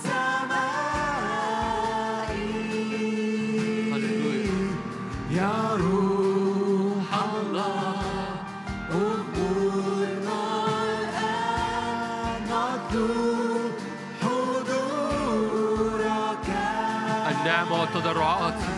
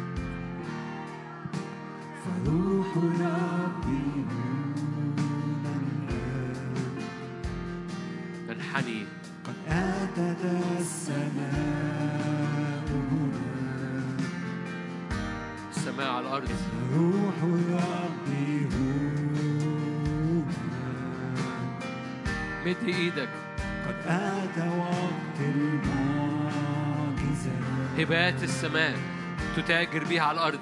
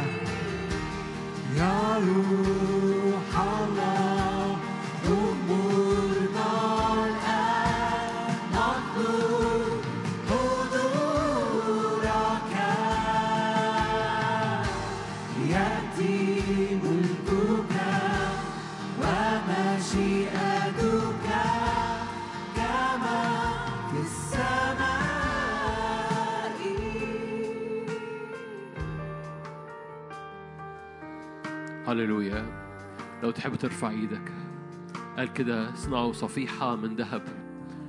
اكتبوا عليها قدس للرب وضعوها على عمامة الكهنة. قدس للرب ليحملوا بها إثم الأقداس. يعني يعني بي- بيقفوا كهنة أمام الرب. في في في سمة على جباههم قدس للرب. أنا حريص إنه إنك تصلي هذه الصلوة إنه لا مكان لصور أخرى لا مكان للأنا لا مكان ل لا مكان لعبادة حتى مش شايفاه هو. لأن روح النعمة والتضرعات فينوحون وينظرون إلي. فينظرون إلي الذي طعنوا وينوحون. الذين رفعوا وجوههم إليه في سمة على جباههم في سمة الذين رفعوا وجوههم إليه في سمة على جباههم ده حضرتك ده حضرتك الذين رفعوا وجوههم إليه في سمة عله جباههم وهذه السمة تحفظك هذه السمة تجعل أي سمة أخرى ليس لها مكان لأن في سمة سمة على ذهنك سمة على أنوار سمة محبة سمة قدس للرب. لا موافقة للهيكل بتاعك مع أي أصنام مالي وللأصنام يقول إفرايم لا موافقة مع مع الأنا لا موافقة لأي لأي اسم آخر. هللويا هللويا. أبويا السماوي في كثيرين في كثيرين يمكن هيسمعوا ده بعد كده و... ويقولوا في سمع عليا ببساطة ببساطة ارفع وجهك ليه وصدق المحبة وصدق أنه يريد يريد أن الجميع هللويا. الجميع يخلصون إلى معرفة الحق يقبلون باسم يسوع. هذه السمة تطلق دعوتك تطلق إيمانك تطلق قيمتك تطلق اسم مكتوب كده ومكتوب عليهم اسم أبيه. الخروف يقول لك ده اسم أبي. اسم المدينة النازلة من فوق. هللويا. أكتب عليه اسم إلهي واسم المدينة النازلة. هللويا. هللويا هللويا هللويا هللويا هللويا. افتداء لأراضينا افتداء للتراب بتاعنا افتداء لأذهاننا افتداء لأفكارنا افتداء لتاريخنا افتداء لماضي حاضر ومستقبل افتداء بختم افتداء بسمة افتداء باسم مكتوب على جباهنا افتداء بهوية افتداء بملكية. نحن عبيد للرب. هللويا. نحن ملكية. استجمة علينا. الاستجمة علينا وإحنا فخورين بيها. إيه الاستجمة ملك للرب. ملكية إلهية. فاعلني. لك ملكية إلهية. ملكية إلهية. هللويا. ملكية إلهية. ملكية سماوية.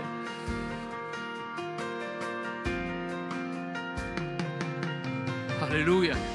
هللويا افتخر انك ملكية افتخر إن العبد مكتوب عليه اسم السيد.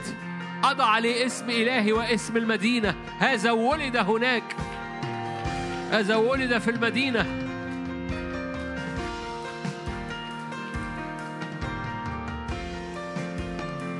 أوه باسم يسوع. هللويا. هللويا. عشان كده بننحني عشان كده بنسجد عشان بنقبل الاستجمة بنقبل الختم.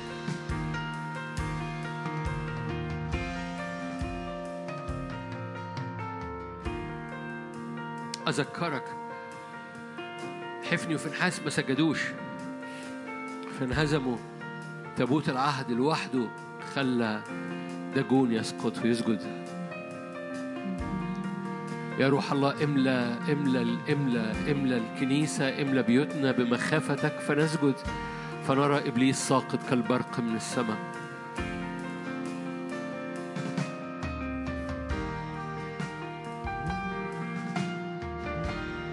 نحن نسجد. يسوع يرتفع. إبليس يسقط. نحن نسجد. إبل... الرب يرتفع. إبليس يسقط. نحن نسجد. الرب يرتفع. إبليس يسقط. اعلن على حياتك. أنا أسجد. الرب يرتفع. اسمه يرتفع حضوره يرتفع. إبليس يسقط في حياتي. أنا أسجد. يسوع يرتفع. إبليس يسقط.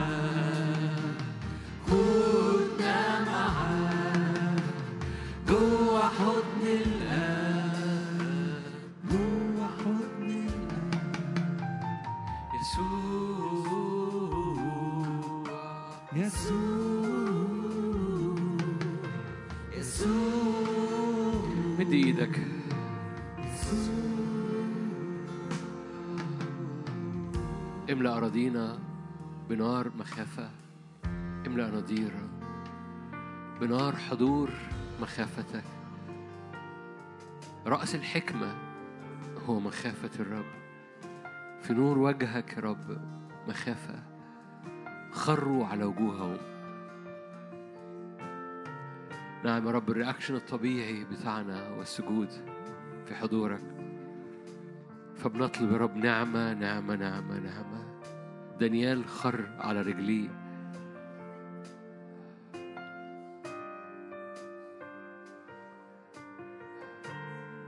المسنا بقوة المسنا بتضرعات المس العبادة الشخصية في حياة كل حد فينا.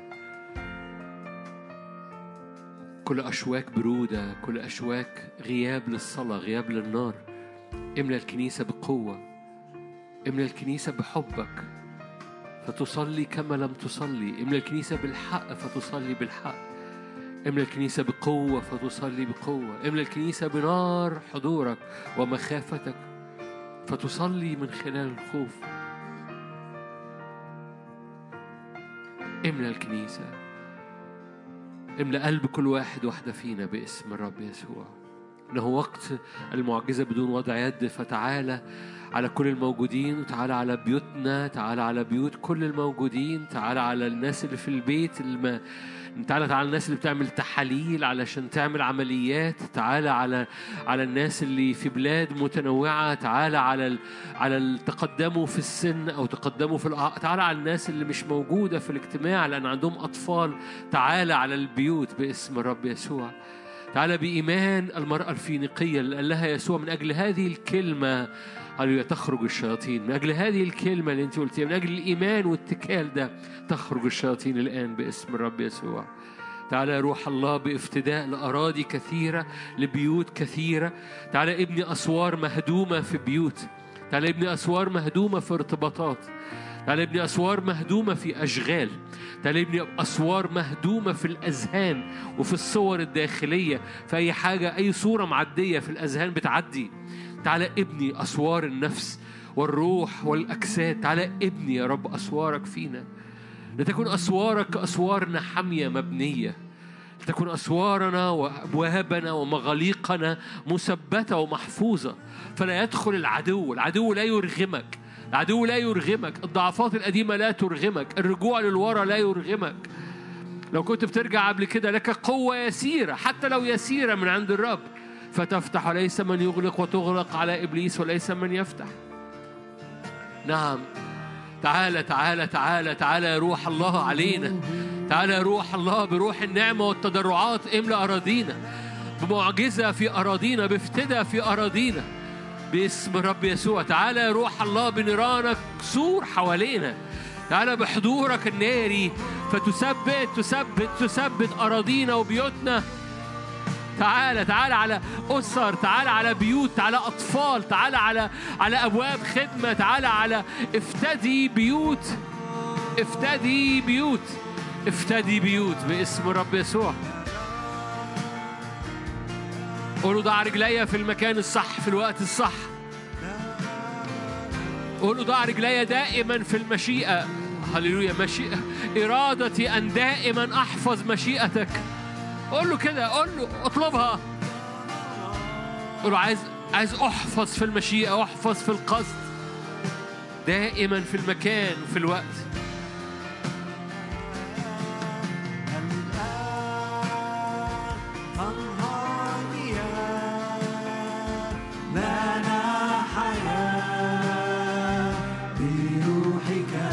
افتدي أراضينا.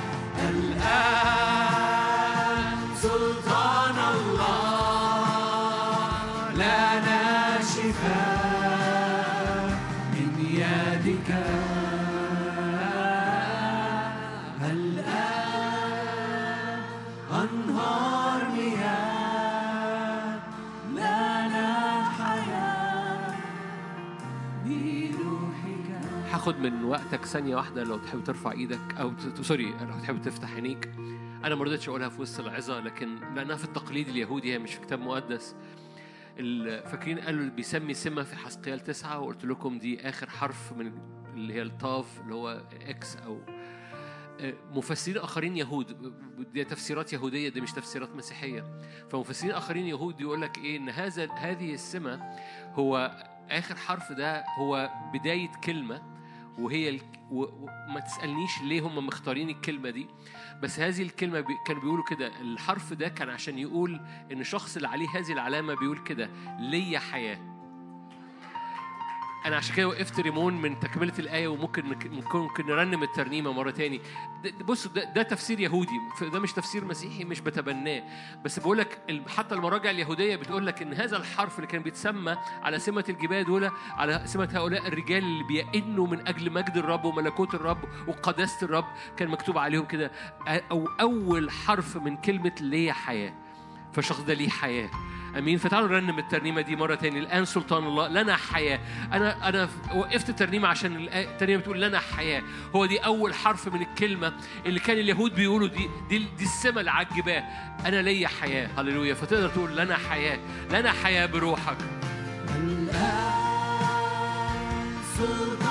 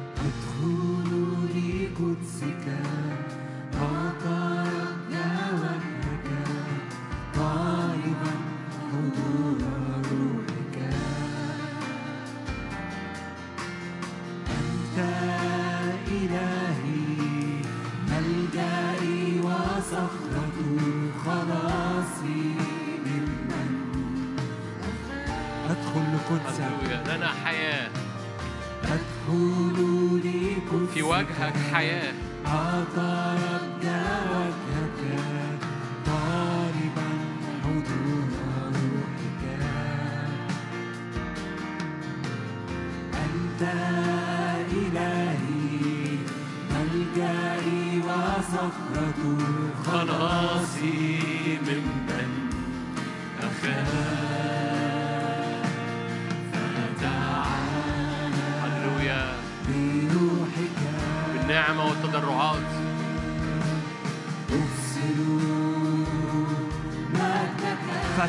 بروحك فتعالى بروحك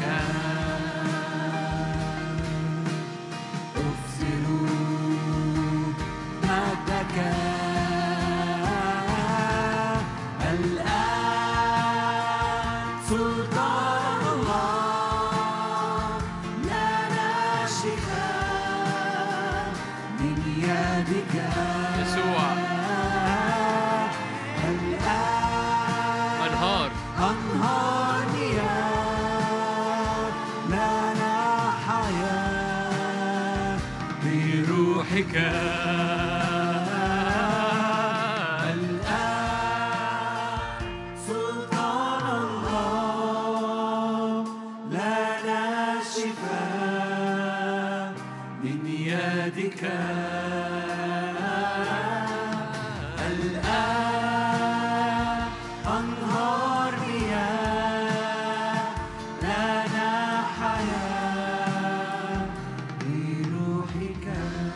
لو تحب ترفع إيدك ابويا السماوي افتداء في الأرض افتداء في أرض كل واحد واحدة افتداء في أراضينا.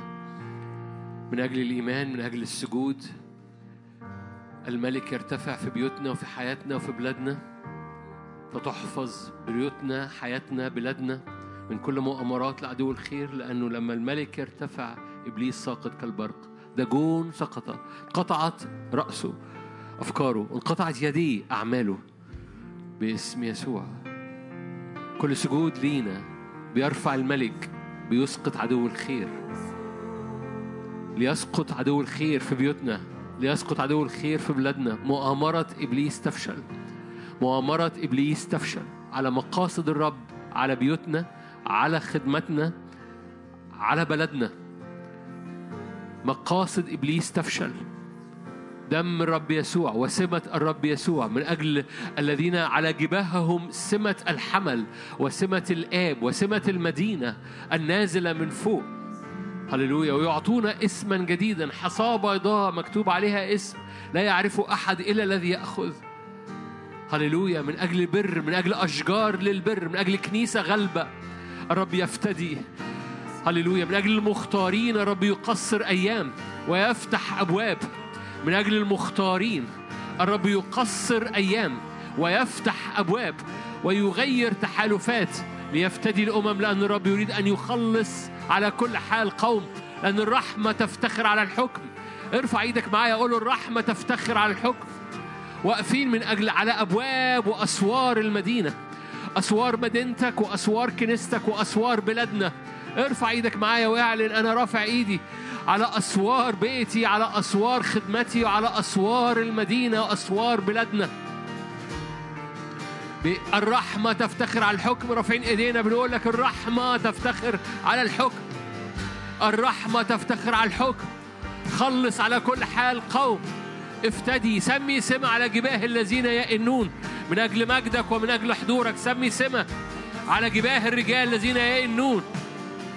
من أجل استعلان مجدك. ابرق أرضنا ابرق بلادنا. مقاصدك تنجح مقاصدك تنجح.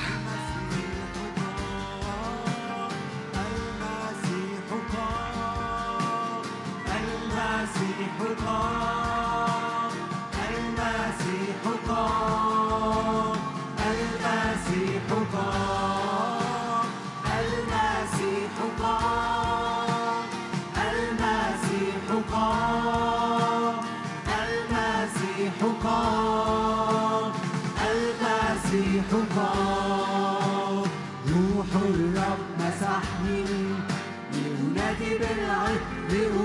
مساكين روح الرب مسحني لأنادي بالعيد لأبشر مساكين روح الرب مسحني لأنادي بالعيد لأبشر مساكين أتشجع ابيضت الحقوق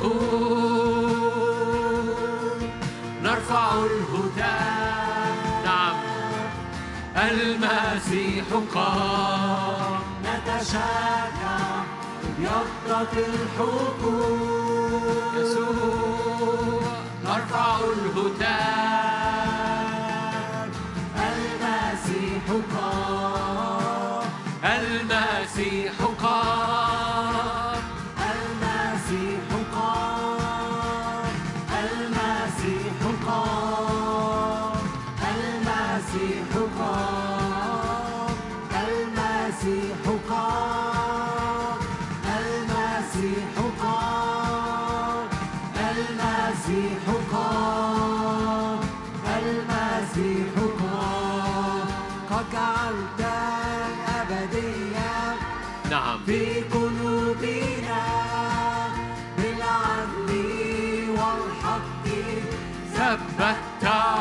عرشك قد جعلت أبدية في قلوبنا بالعدل والحق.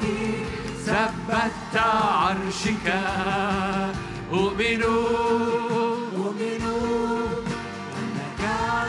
القدير ناظرين لرئيس الإيمان ومكمل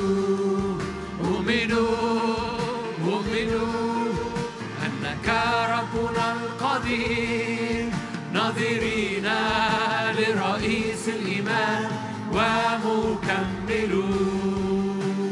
المسيح قام المسيح قام.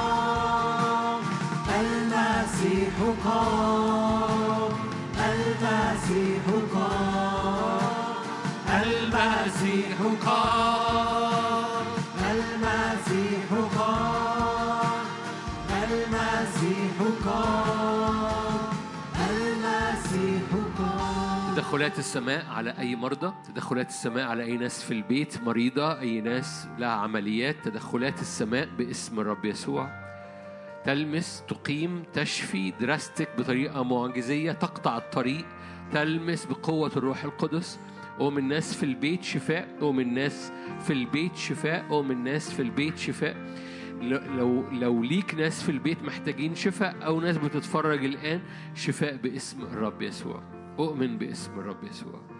أبويا السماوي تعالى بمجد حضورك على كنيستك. تعالى بمجد حضورك على كنيستك. تعالى بمجد حضورك على كنيستك. رافعين إيدينا من أجل تحالفات هذه البلد أن تكون في القصد في المشيئة.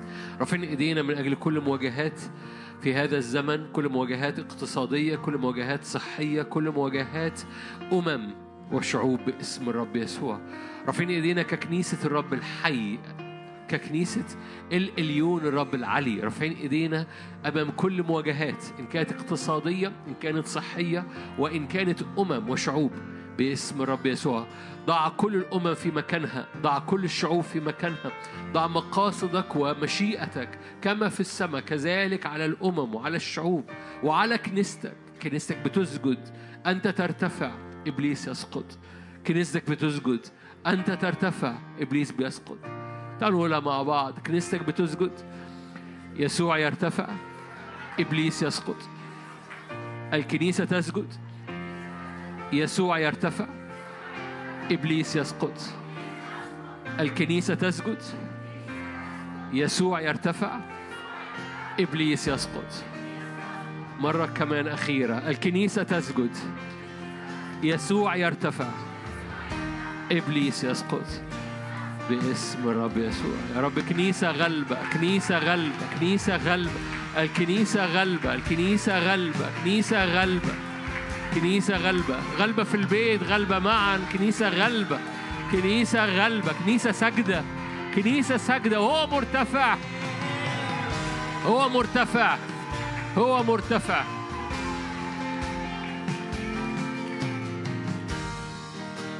هللويا.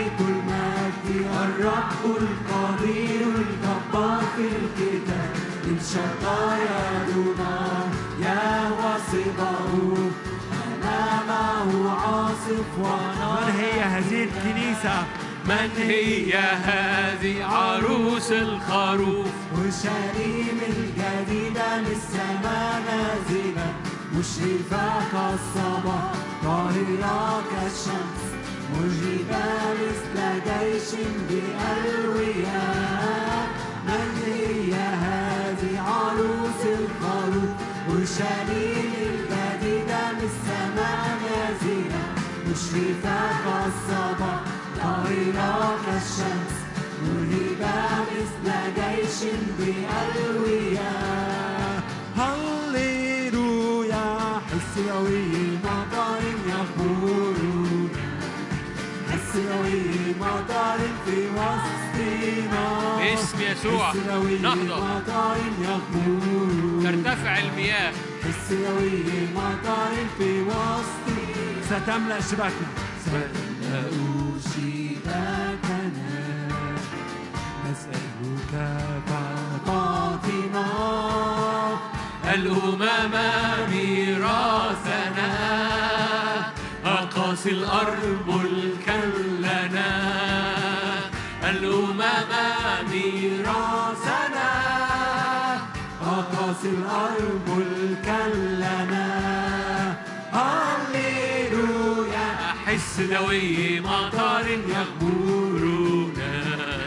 السماوي مطر في وسطنا حسنوي مطر يغمرنا. حسنوي مطر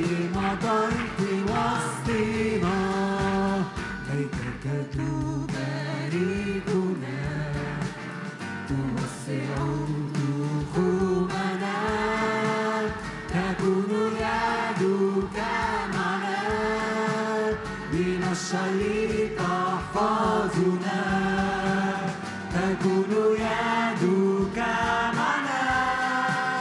من الشر تحفظنا هللويا أحس دوي مطر يغمرنا حس دوي مطر في وسطنا. حس دوي مطر في